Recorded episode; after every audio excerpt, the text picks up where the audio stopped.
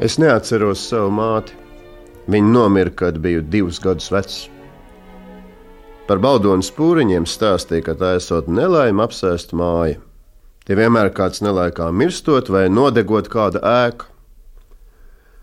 Arī pirms mātes nāves bija nodegusi spūriņa dzīvojamā ēka. Vēlāk zinātnēji sprieda, ka ugunsgrēks cēlies no koncentrētas saules stara, jo uz istabas augšas mētājušās saplēstas pudeļlauskas. Es neatceros arī, ka esmu slīcis. Tēvs pļāvis sienu, bet es esmu ietinies viņu pamestajos svārkos un valstījies pa upes krastu. Tikai nejauši tēvs pamanīs, ka atvarā burbuļo ūdens. Tajā vietā upe bijusi dziļa, bet tēvs vēl laikā man atradis un izvilcis no ūdens. Mājai vajadzēja jaunas saimnieces, tādēļ tēvs apprecējās otrreiz. Uz pūriņiem atnāca lipšu mežsarga kalpone Balku Anna ar ārlaulībā dzimušu puiku. Viņš bija piecus gadus vecāks par mani, un visi viņu sauc par Janku. Arī mana māsa Alma bija viņa gados, tādēļ viņas dēvēja par lielajiem bērniem. Es biju mazais bērns. Jaunā pamāte bija strauja sieva, arī nikna. Kūtī viņa sita lopus. Pagalmā skaļi aprunāja kaimiņus, uz ceļa izsmēja svešus cilvēkus. Kad jaunā pūriene nespļāvējiem brokastis, tad viņas vārku vīlēs dzirksteles šķīst, ļaudis smējās par viņas straujo gaitu. Audzējamos teļus pamāt iesauc kaimiņu meitu vārdos. Dzenot govs ganībās, viņa skaļi klaigāja. Kur tu vilksies, dūlā grieta? Vai gribi rungas, Paula? Putsoņi Bertu! Es biju spītīgs zēns. Mēs nesatikām ar Annu kopš pirmās dienas. Kad viņa man solīja rungas, es mēdīdamais aizcirtu durvis un aizbēgu uz kaimiņiem. Bet pamāte tikpat spītīgi pameta darbus, paņēma garu stibu un atzina mani mājās, visu ceļu pērdam man skailās kājas. Anna bija īsta pamāte, gluži kā izkāpus no tautas pasakām. Tēvam nebija laika man audzināt, Viņš bija mazrunīgs, mūžam aizņemts lauku darbos, ar bērniem nemīlēja draudzēties. Tādēļ es bēgu prom no mājām cauri pūriņu priedītēm, pāri vecajam ķekavas tiltam, augšup kalnā pie vecās mātes un vecā tēva. Te pamāte neiedrošinājās man sekot.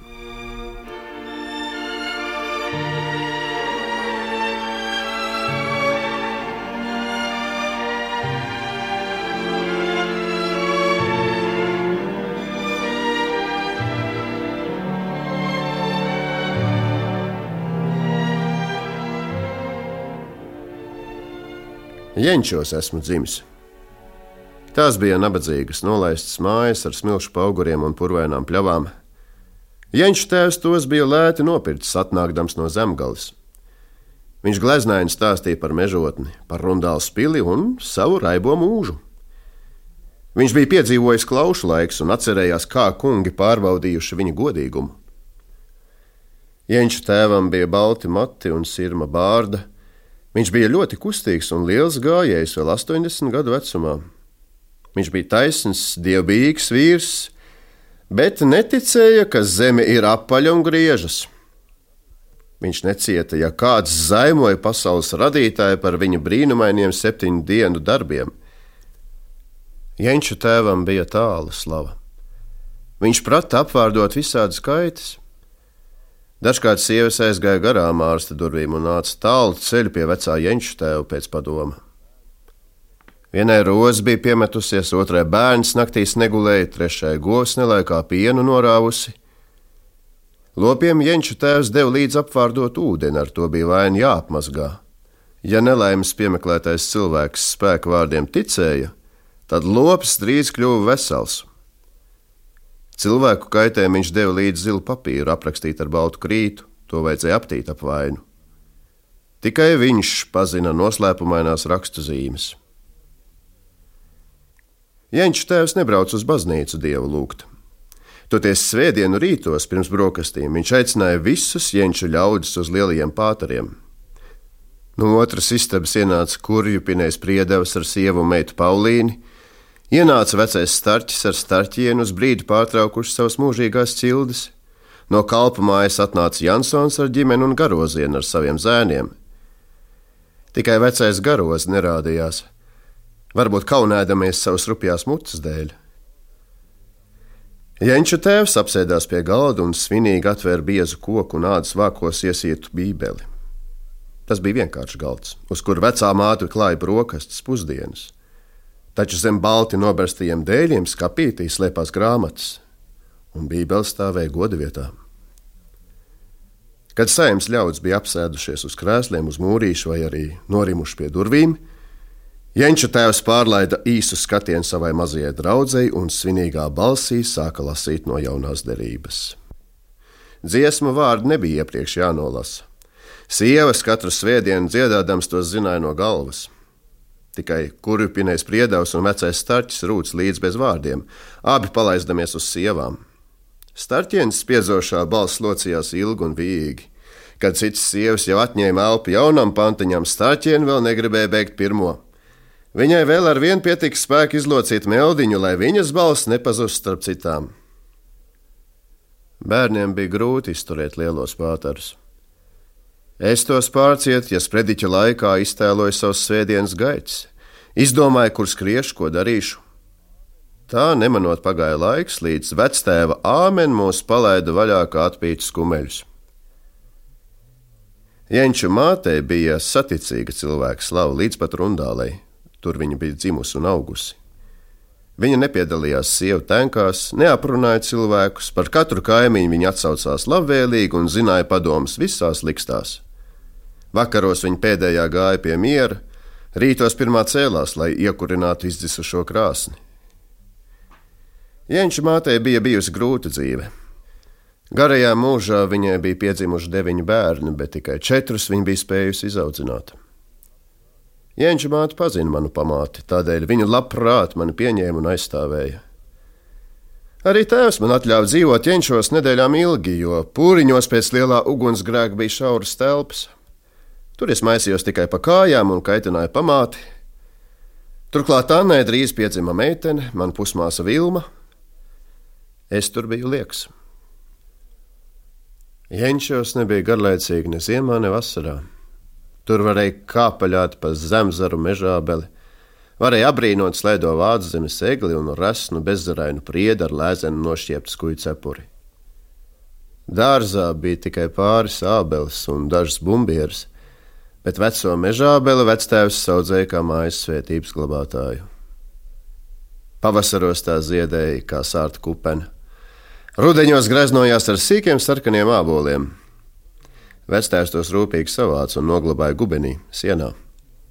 Pēc pirmajām salanaktīm viņš pa vienam tos vilka laukā un nes uz istabu. Brīnums, tie vairs nebija ne skābi, ne rūkti. Arī vecā māte prata vilkābolus paslēpt brūkliņu ievārījumu podā. Kad ziema izvilka laukā, tie suloja un kus uz mēles vēl saldāk. Ja apnika dārsts, varēja aizskriet uz palazdi, kur stāvajā kraujā aug lazdas. Pavasaros aprīļa vējš tur šūpoja dzeltenās skaras, bet rudeņos koku lapās čaukstēja dzelteni rieksti.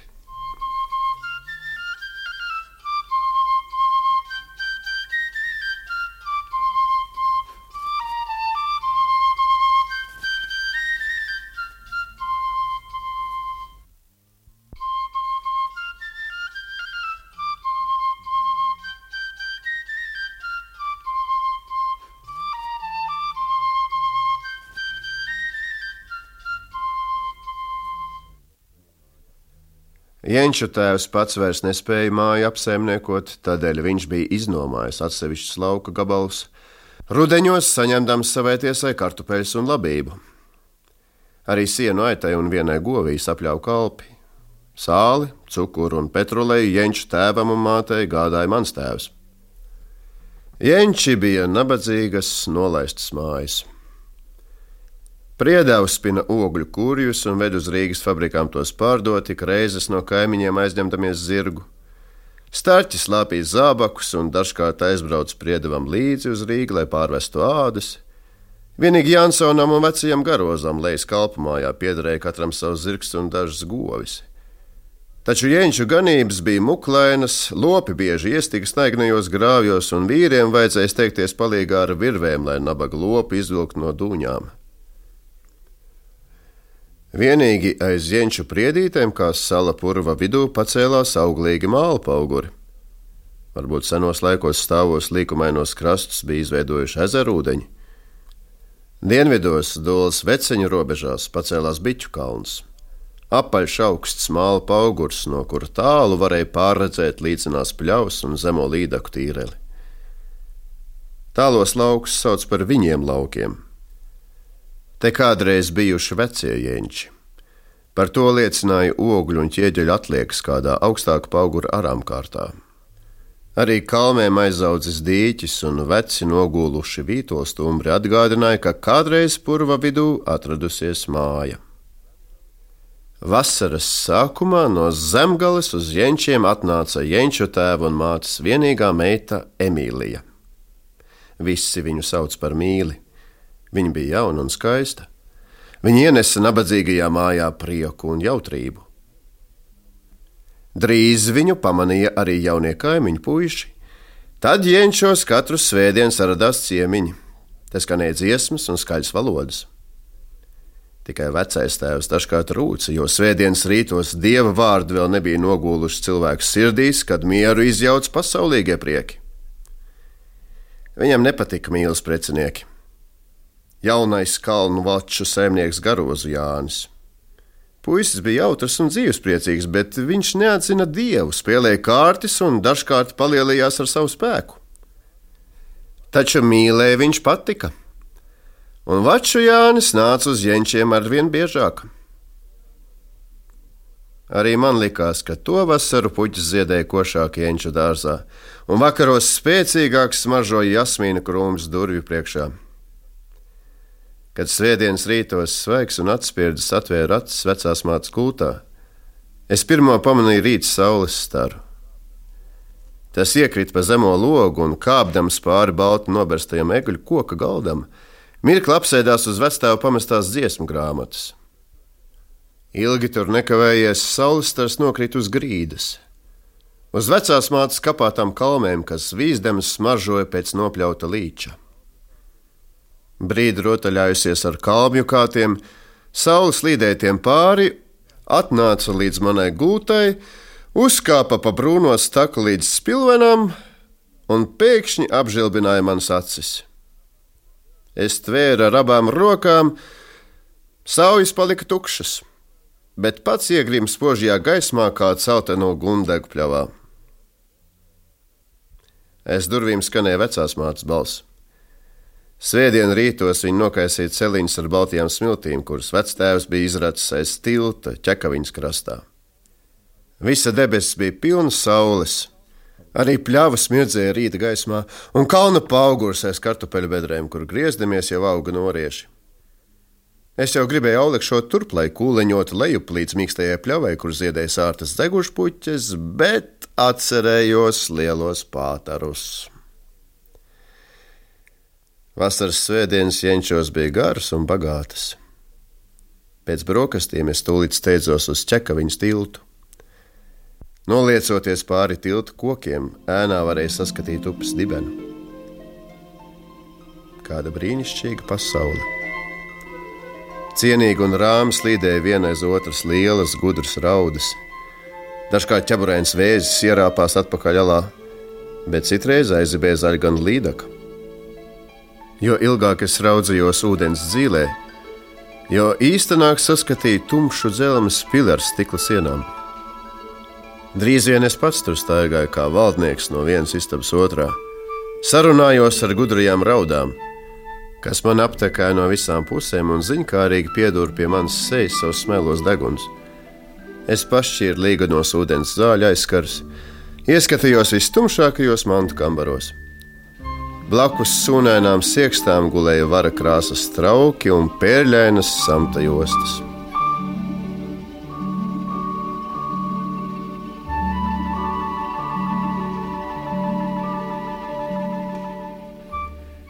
Es atmodos no burvīgās pasakas, kad tiltam tuvojās siena grābējs.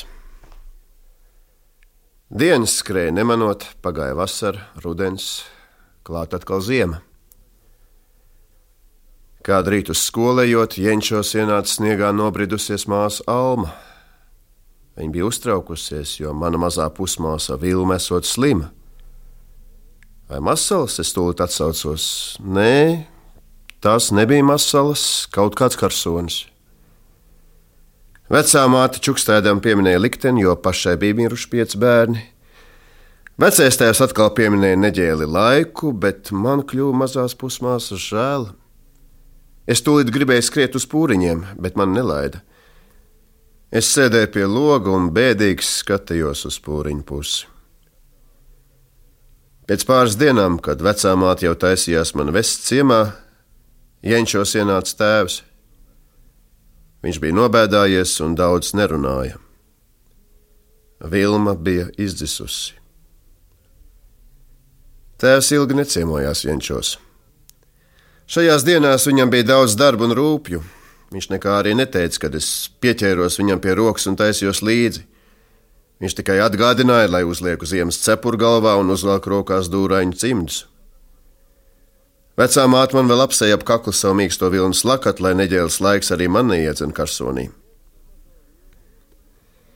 Neviens par mazo vilmu ilgi nesēroja. Tikai pamāte vēl noraus kādu nevaļīgu asaru un pārmet tēvam. Nolādēta māja tie tavi pūriņi.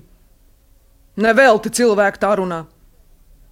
Mūsu pirmais bērns vēl neiemācījās sēdēt, kad nāvi viņu jau paņēma. Kas te būs gaidāms uz priekšu? Es saku, nolādēta māja!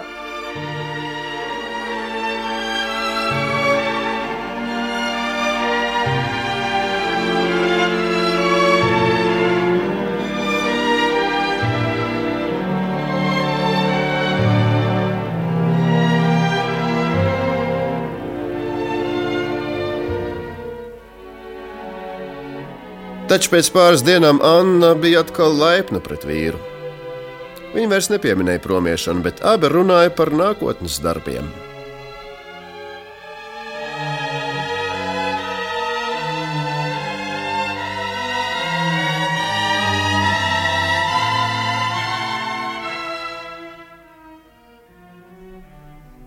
Mans tēvs neticēja māņiem. Viņš smējās par Jenča tēva apvārdoto ūdeni un dusmojās, ja kāds apgalvoja, ka pūriņi ir nelaimju apsēsti. Visas nelaimes var aiziet ar darbu, viņš teica. Pļāpu sievas te visus baidē kā mazus bērnus, tāpat par vēlniem un spokiem.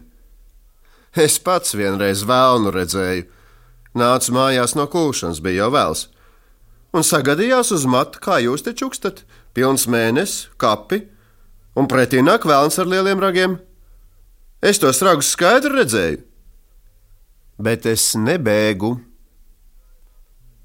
Es gāju vēlnam pretī. Un kas tas bija? Vecais trimda ar seģenu uz pleca. Būtu es bijis zaķa pastelis, vēlāk būtu visiem stāstījis, ka klipšu kapos dzīvo vēlns ar milzīgiem ragiem. Tā kā jūs man te nestāstiet pasakas un nebaidiet bērnus. Sievas sačukstējās un izklīda. Viņas juta cieņu pret manu tēvu, arī bailes. Un tēvs domāja, ka arī pūriņu nelaimes var aizdzīt ar darbu. Viņam steidzīgi jāceļ jauna dzīvojamā ēka, tad vecais pūriņš savā istabā var piespļaut pilnus kaktus, nekādas nelaimes nebūs. Arī Anna par to jūsmoja, un celsim tādu māju, kādas nav otras visā Baldonas pagastā, viņa dušīgi teica. Goda dēļ viņa bija ar mieru naktis negulēt. Manam tēvam vienmēr patika kaut ko taisīt un būvēt, un ja ko sāk, tad arī pamatīgi. Šajā ziņā viņa ar sievu sapratās. Anna bija jauna un spēcīga.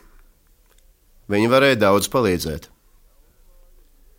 Tēvs izlēma, ka jaunu māju viņa taisīs no ķieģeļiem, lai to nemūžam vairs nevarētu uguns izpostīt. Un ķieģeļus viņš taisīs pats.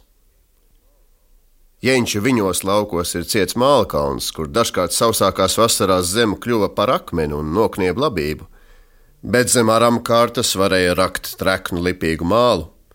Tur būtu īstā vieta ķieģeļu ceplim.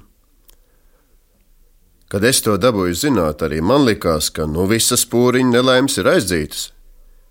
Tālajos jenču laukos sāksies darbs, te raks un būvēs, te kustēsies sveši ļaudis, un es vienmēr būšu viņu vidū.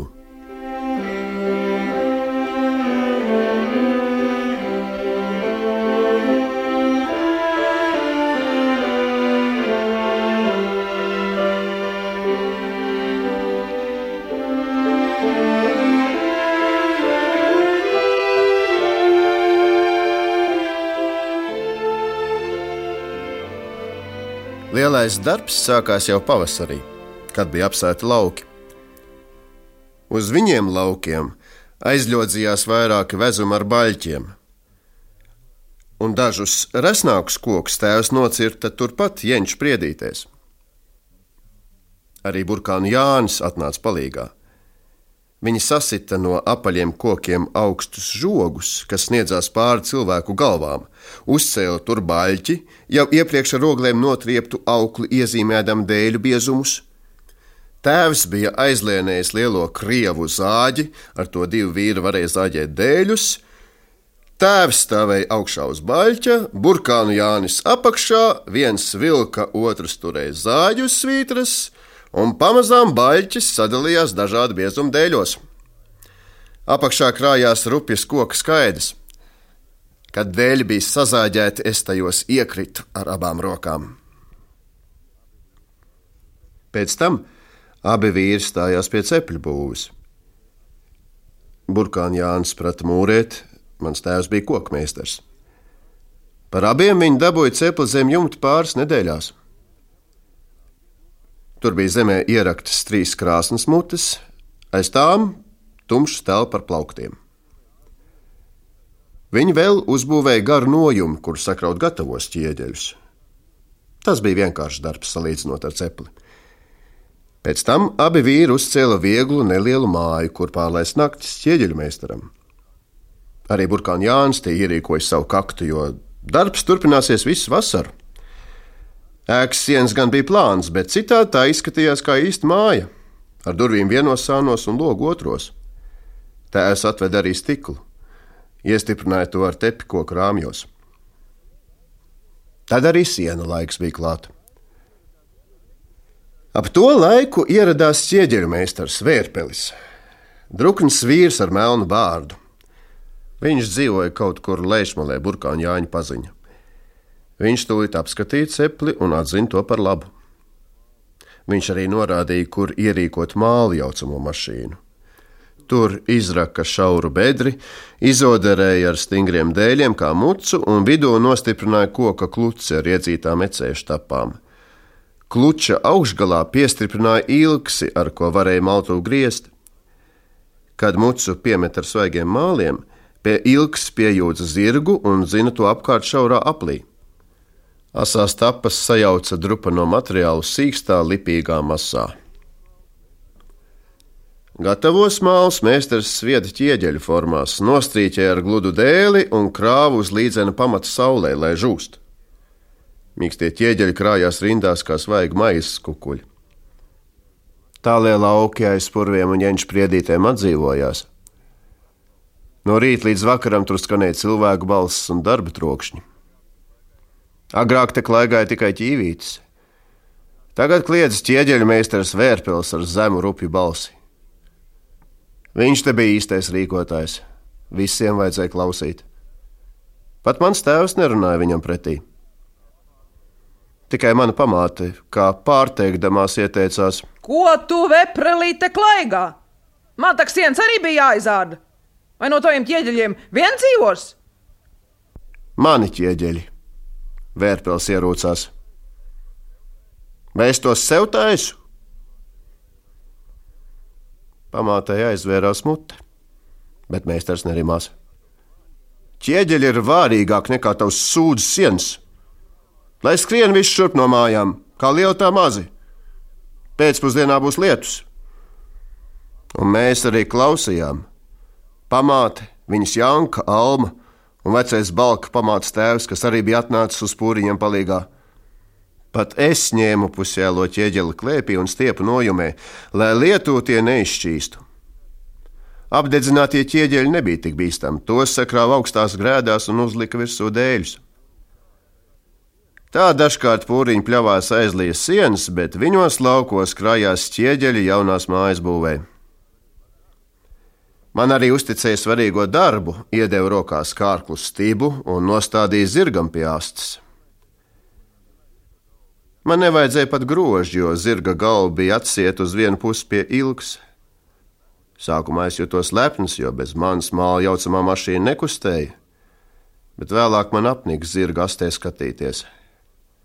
Dažreiz man nāca arī miegs, es staigāju zirga pēdās ar aizlipušām acīm, Un dažkārt, kad Baltiņš apstājās, es sadūros viņa pakaļkājās. Bet vecais vezuma vilcējs bija rāms lopiņš, viņš nespēja. Kad es tiku vaļā no garlaicīgā apļa, es paķēru kartupeļu grozu un noskrēju lejā pie aizaugušā pļavas grāvja. Muklēnais purvs līgojās zem manām kālajām kājām. Melnās dūņas smirdēja, bet grāvī dzīvoja pīkstuļi, mazas lokanas zivs ar ūsām. Es iebāzu kurvi dūņās, tad ar koku bakstīju grāvi pacers, kā dažkārt priedavs zvejodams ar dukuru. Bieži vien kurvī locījās glumās zušiem līdzīgās zivis, un jau uzmanīgāk klausījās, tad likās, ka tās arī pīkst. Varbūt tādēļ tās sauc par pīkstuļiem. Zivis varēja arī ēst, sevišķi savārot žēlējā, bet pīkstuļiem bija dūņu garša. Pamāta atmet ar roku. Man nav laika ar tādām čūskām noņemties. Vai tu proti viņiem ādas novilkt? To es neprotu. Tad nes atpakaļ uz grāvi. Es sabēru pīkstuļus dūņās, tad zvejoju atkal no jauna. Tā bija patīkamāka nodarbošanās nekā staigātais zirgastis. Reiz ķieģeļa meistars man uzsauca: Puika, nes šurp to lielāko! Es aiznesu ar visu kurvi, Es domāju, ka vērpels to ceps, bet viņš sagrāba pīkstuli cietajos pirkstos un iebāz pudelē. Tad viņš to pielēja ar ūdeni no purvaks un uzlika uz loga. Pīkstulis locījās augšu lejup, kustinādams ūsas. Likās, ka mazais zutens te jutās gluži labi. Ēdot pusdienas, vīrs skatījās, kā pīkstulis peldēja pa šauro pudeli. Visiem patika šī rotaļa un meistars man pieteica, lai es reizēm apmainu traukā ūdeni. Vēlāk es sameklēju vairākas pudeles, ielaidu tajās lielus un mazus pīkstuļus. Tiem bija sīkstas dzīvības, viņi tur locījās visu vasaru. Pēc tam es ielaidu pīkstuļus atpakaļ grāvī. Vērpeļa rokas bija lielas un neveiklas.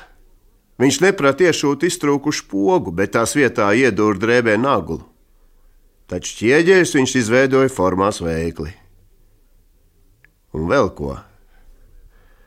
Kad es biju bez kurnēšanas ziņas zirgu un samalas mālas visai dienai, viņš paņēma sauju mīkstā materiāla savos lielajos pirkstos un teica: Par to es tev kaut ko uztaisīšu.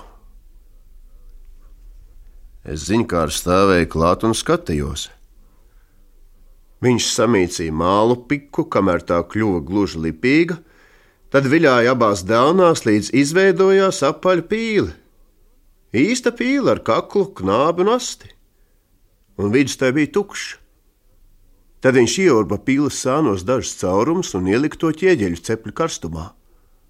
Kad tā bija izcepusi, viņš pielika pīles asti pie lūpām, pīle skanēja. Cilājot pirkstus virs caurumiem, meistars izpūta īstu muziku. Putnu viņš deva pīli man. Brīvākos brīžos viņš vēl uztaisīja citas. Lielas un mazas māla pils to vasaru mētājos pūriņos un jenčos, tās visas skanēja. Kad pamāte vai jenču māte man meklēja, viņas tikai paklausījās, kur skanēja pīles. Kad laukos jau dzeltēja labība, ceplis beidza kūpēt. Bet nojumai stāvēja sakrautas augstas ķieģeļu grēdas. Tēvs ar burkānu Jānu tos skaitīja un lēs, vai pietiks materiāli lielajai mājai.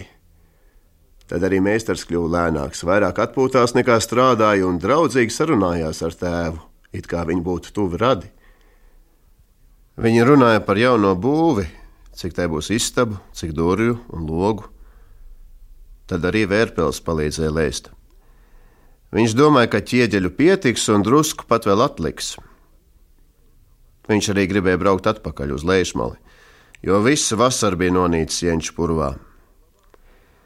Bet, ja tev nav labāka mūrnieka, tad citu vasaru es braukšu atpakaļ, viņš tēvam teica. Divos mēnešos to būdu dabūsim zem jumta. Mans tēvs kļuva priecīgs. Viņš vēl nebija amatnieks sameklējis, un vecais ķieģeļu meistars viņam patika.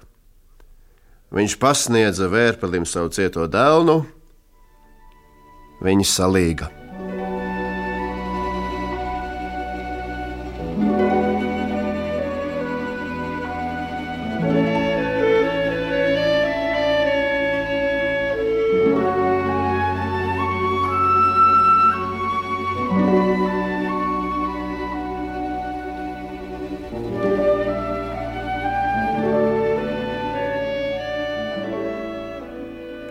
Ziemā tēvam bija daudz darba.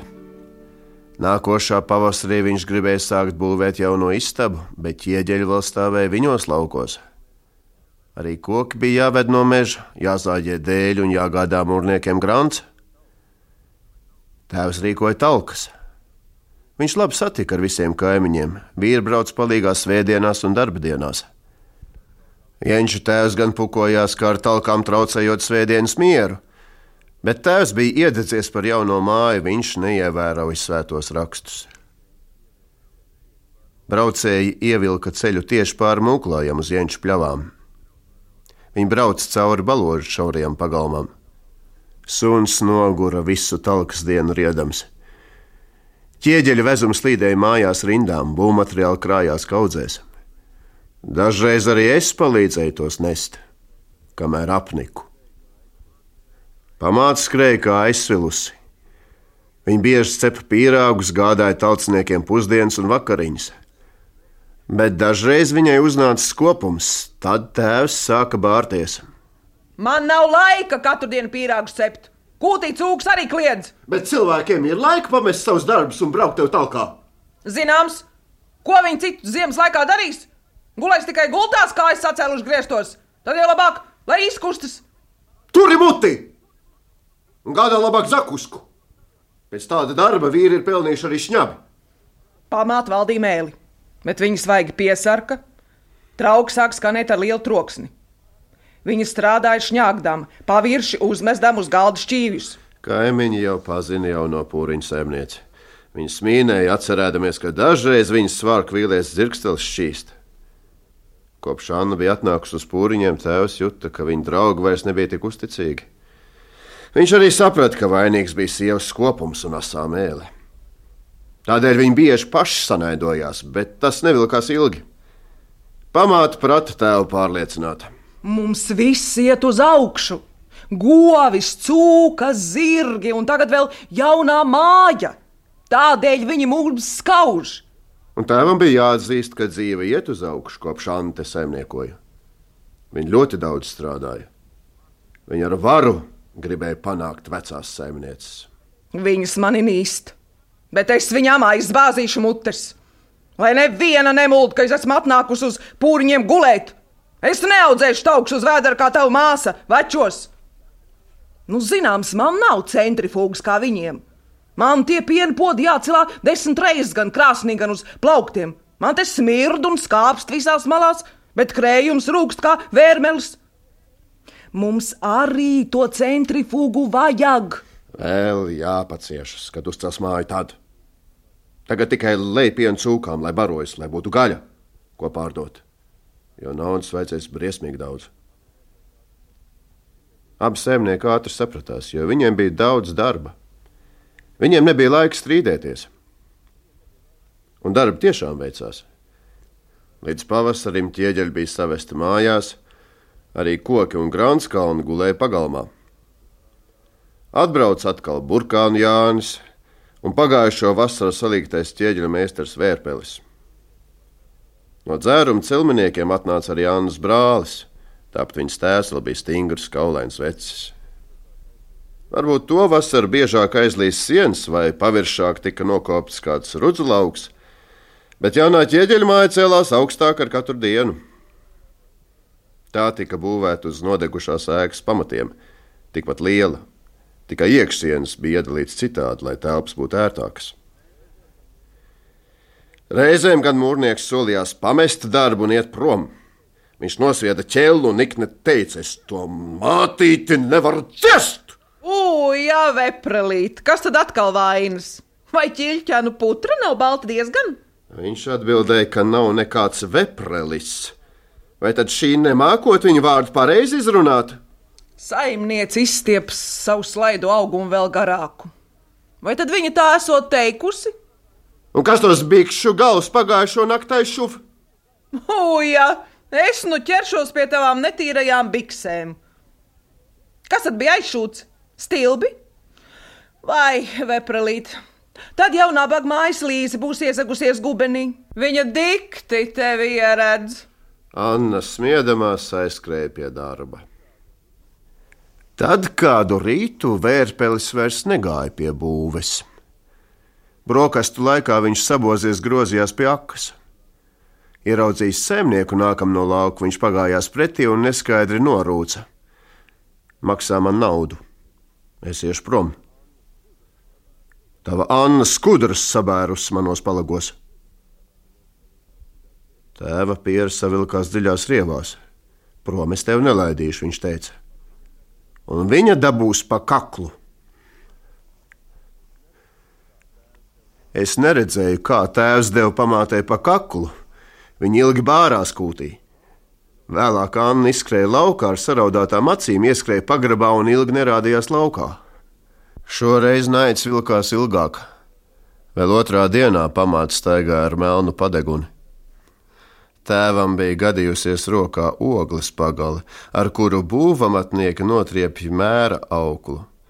Es dzirdēju, kā burkāna Jānis mūrniekam klusi teica, nesot jau sitis, tikai novilcis gar deguna galu. Anna pati laikam nemanīja, ka visu dienu staigā ar melnu muti. Viņai nebija laika spogulī skatīties. Tā vērpelis palika uz sastatnēm, turpinādams darbu. Saimniece ar vīriem vairs nerunāja. Tikai uzsviedē ēdienu galdā un pati aizskrēja uz kūti. Vasaras vidū jaunajai mājai uzcēlas pāris. To dienu meistari agrāk nobeidza darbus. Burkāns jau no pusdienas sāka pīt spāru vainagu. Viņš saliec kārklas stibas, izbāz vienu otrai cauri divus apļus un stipri nosēja ar auklām. Tad lika visiem bērniem nest kliepiem smilgas, rudzus, papardes. Iznāca smags, dubulti vīts vainags. Kad to cēla augšup, pienaglot kārts galā. Pie svarīgā darba sanāca visi vīri. Pamāts stāvēja pagalmā un sauca: Augstāk, augstāk! Kuplais vainags jau bija redzams no Krievijas kroga kalna. Ceļa vīri braukdam uz Rīgu rādīja ar patagas kātiem un skaļi apjūsmoja gan jaunās pūriņu mājas, gan šo māju saimnieci. Ko vakar pamāt netaupīja ne sviesta, ne olu, ne pīrāgu. Viņa lepni klāja galdu pagalmā zem platlapainajām kļavām un aicinot mūrnieku atkal smējās. To bārdu gan varēja apcirpt. Izskaties pēc lāča. Par vepreli viņu vairs meistaru nesauca. Vērpils tikai atmet ar roku. Ne viņš bārdu dzina, ne mazgājās, ne arī uzvilkt cits drēbes. Viņš sēdās pie galda, notriepies ar māliem un kaļķiem, lauz lielos talkas pierāgus ar sastrādātiem pirkstiem un kāri bāz mutē. Tēvs ļoti cienīja viņa darbu, tādēļ meistaram pirmajam ielēja degvīnu tējas glāzē. Arī burkāna Jānis bija daudz palīdzējis, gan pie mūra, gan koka darbiem. Un vēl smagi būs jāstrādā, lai varētu vismaz vienu galu jaunajai mājai apdzīvot. Svinēdams pāris svētkus, vīrs sprieda, ka līdz mārtiņiem virtuvei un trīs istabām jābūt gatavām. Vīri šovakar neliedz saimniecei atzinību. Kaut viņa dažkārt bija narojusies, mūrnieks jau krietni ierēbis teica: Tu esi vēlna mātīte, Anna. Mute tev kā pastāv, bet darbi arī iet no rokas, tas man jāsaka. Es esmu diezgan pa pasauli klīdis, bet tādu rāvēju saimnieci neesmu redzējis, kas tādus darba kalnus apgāž bez kalpones. Es jau pati esmu kalponi. Vai tu nezināji, vērplīt? Anna atbildēja uzdamās glaimot. Likās arī tēvs to vakar jutās lepns, ka viņa otrā sieva bija bijusi kalpone.